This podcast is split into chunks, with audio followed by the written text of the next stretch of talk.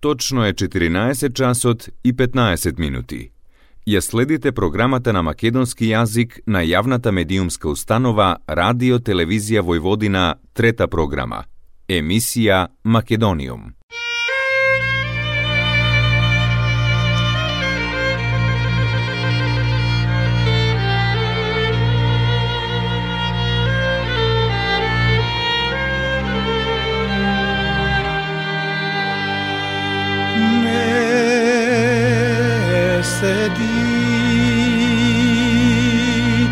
Ρασιμ,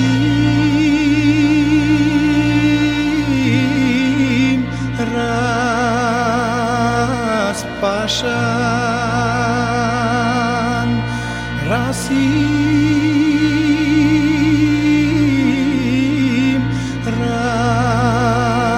ρασπασαν, υψτες λόβουδεν.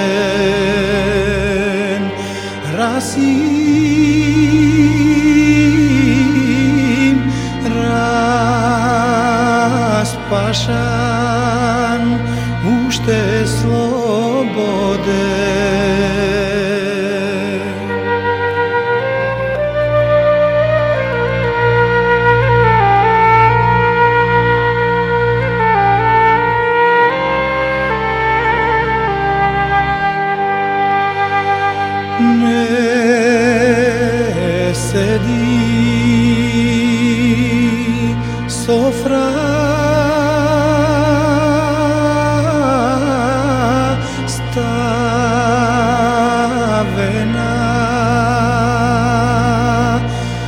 I see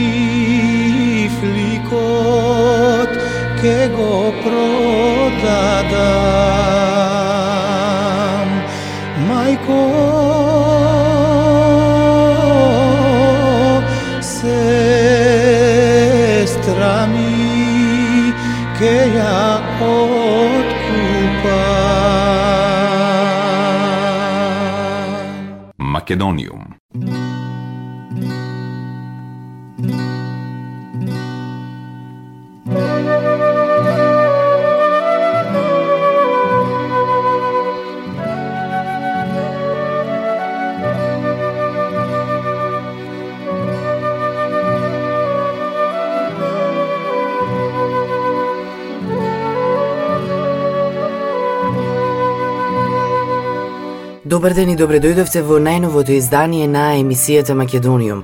Со вас, почитувани слушатели, е вашиот уредник и водител Јулијана Милутиновиќ.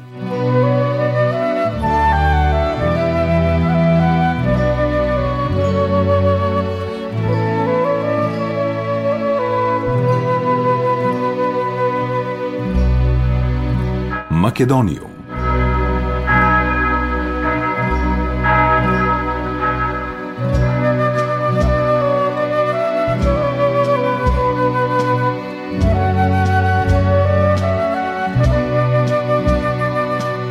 Од културно-историското наследство во Полошкиот регион, по својот туристички потенцијал, особено се издвојуваат културно-историските споменици во Тетово, манастирот Свети Атанаси или Лешочкиот манастир, кој потекнува од 1335 година, Шарената џамија од 1495 Арабати Баба Теке од 18 век, Тетовското кале, Соборната црква Свети Кирил и Методи, Црквата Света Богородица, Манастирот Свети Наум на Попова Шапка, Црквата Свети Никола.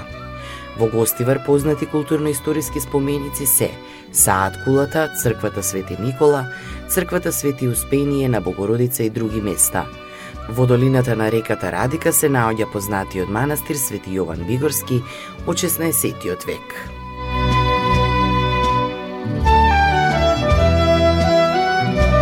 Македониум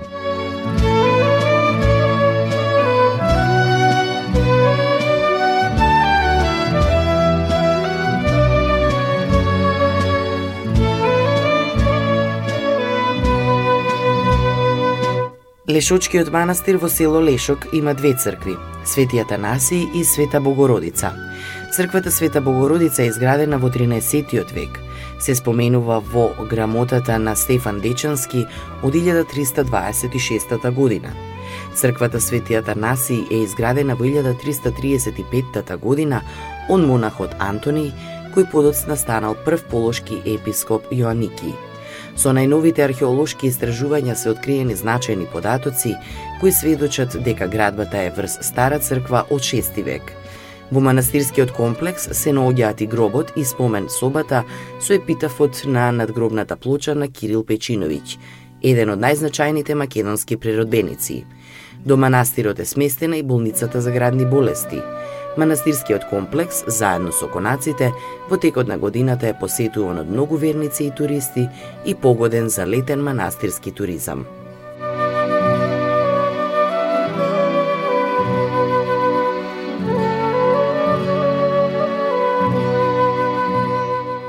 Македониум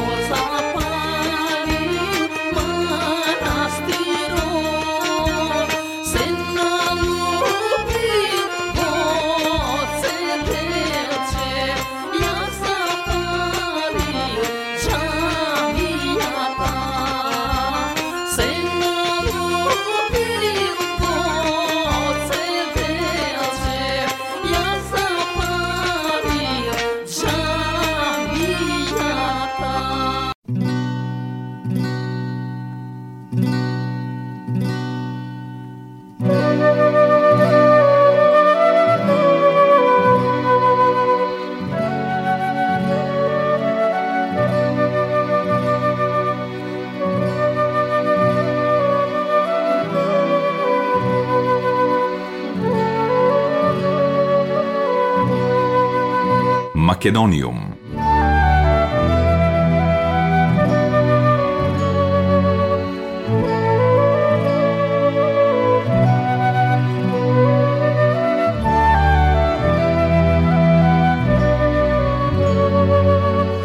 Шарена или Аладжа Пашината џамија се наоѓа во стариот дел на Тетово. Изградбата на првобитната џамија датира од 1495 година, а незини легатори се двете сестри Хуршида и Менсуре, кои се погребани во 8 страното турбе во дворот на џамијата. Во 1833 година џамијата била обновена и проширена од страна на Абдурахман Паша – Џамијата е значајна по своите внатрешни и надворешни сликарски декорации. Архитектонски представува квадратна градба во која се огледуваат барокот и неокласичниот османлиски стил.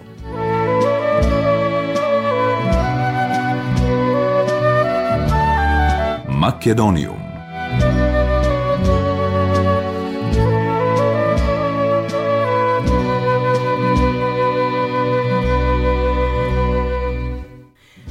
Арабати баба Теке во Тетово е изградено во 18 век од Реджеп Паша и неговиот син Абдурахман Паша. Текето представува комплекс од верски објекти, групирани околу турбето, односно гробот на Бекташок Серсем Али Баба. Од нив денес се зачувани шадврванот, турбето, кулата, неколку чесми, кујната, трпезаријата, гостинскиот конак, дервишхането, а текето било користено од дервишкиот ред бекташи, познати по нивниот аскетски живот, харемлак, многозеленило, цвеќе и овошки. Денес во овој комплекс од верски објекти е сместен и Народниот музеј на град Тетово.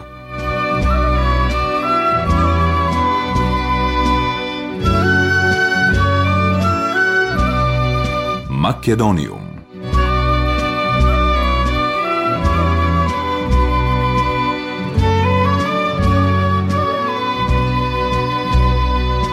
Кога се зборува за Тетовското кале, тврдината почнал да ја гради Реджеп Паша и неговата градба траела 20 години, а била завршена од страна на неговиот син Абдулахман Паша во 1820 година, но и тој не успеал да го отвори објектот, бидејќи бил повикан од султанот и заминал за Истанбул и веќе никогаш не се вратил во Тетово.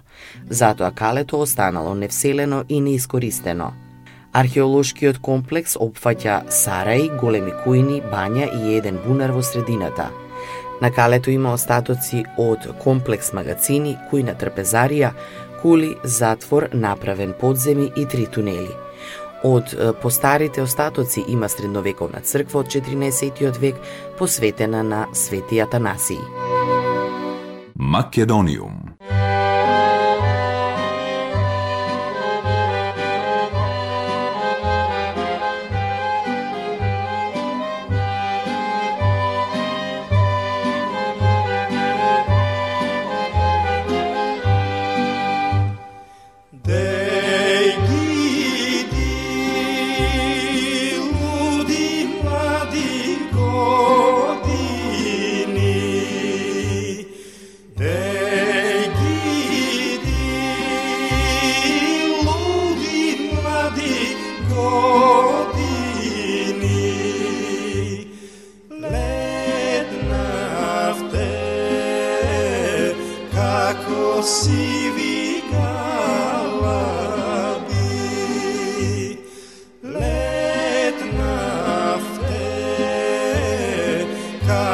see.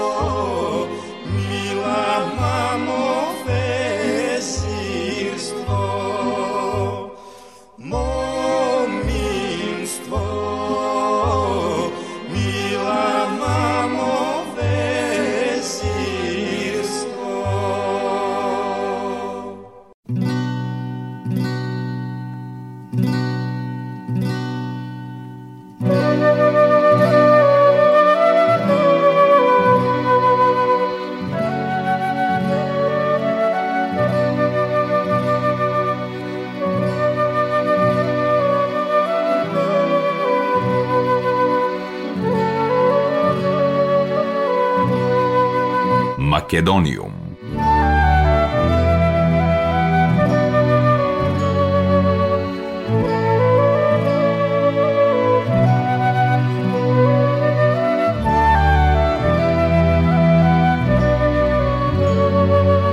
Манастирот Свети Јован Крстител или Бигорскиот манастир е изграден на Бигорна Карпа и од Бигор, поради што го носи името Бигорски манастир. Бигорскиот манастир е манастирски комплекс кој се наоѓа на патот помеѓу Гостивар и Дебар во непосредна близина на селата Ростуше, Битуше, Велебрдо и Требишта, а по течението на реката Радика. Според Бигорскиот поменик, манастирот бил основан од страна на монахот Јован во 1020 година. Во 16 век манастирот го разурнала отоманската власт и од целиот комплекс останала само мала црква. Манастирот повторно бил обновен во 1743 година од страна на јеромонахот Иларион, кој бил и првиот игумен на Бигорскиот манастир во поново време.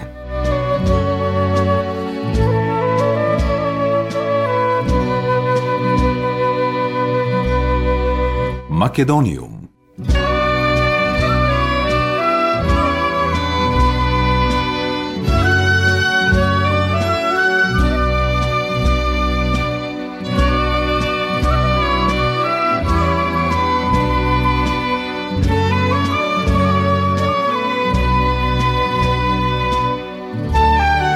Во текот на целата година во овој регион се организираат повеќе културни, спортски, забавни и други манифестации.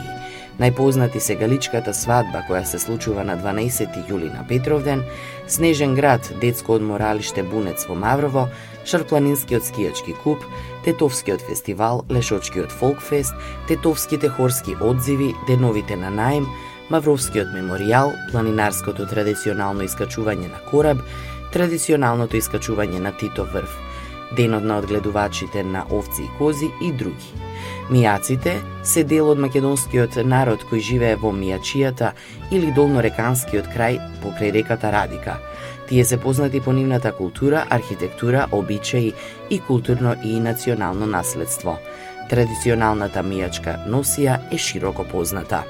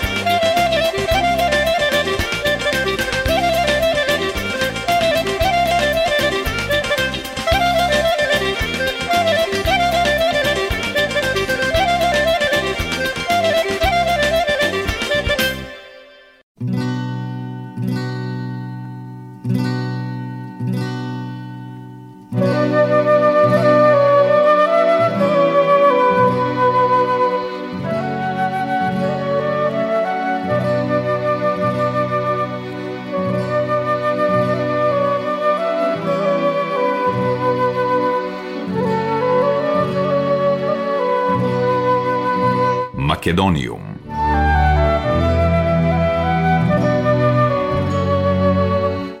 Почитувани слушатели, тоа беше се во денешното издание на емисијата Македониум.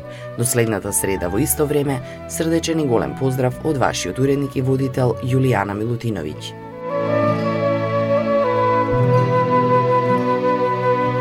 Ја следевте програмата на македонски јазик, емисија Македониум.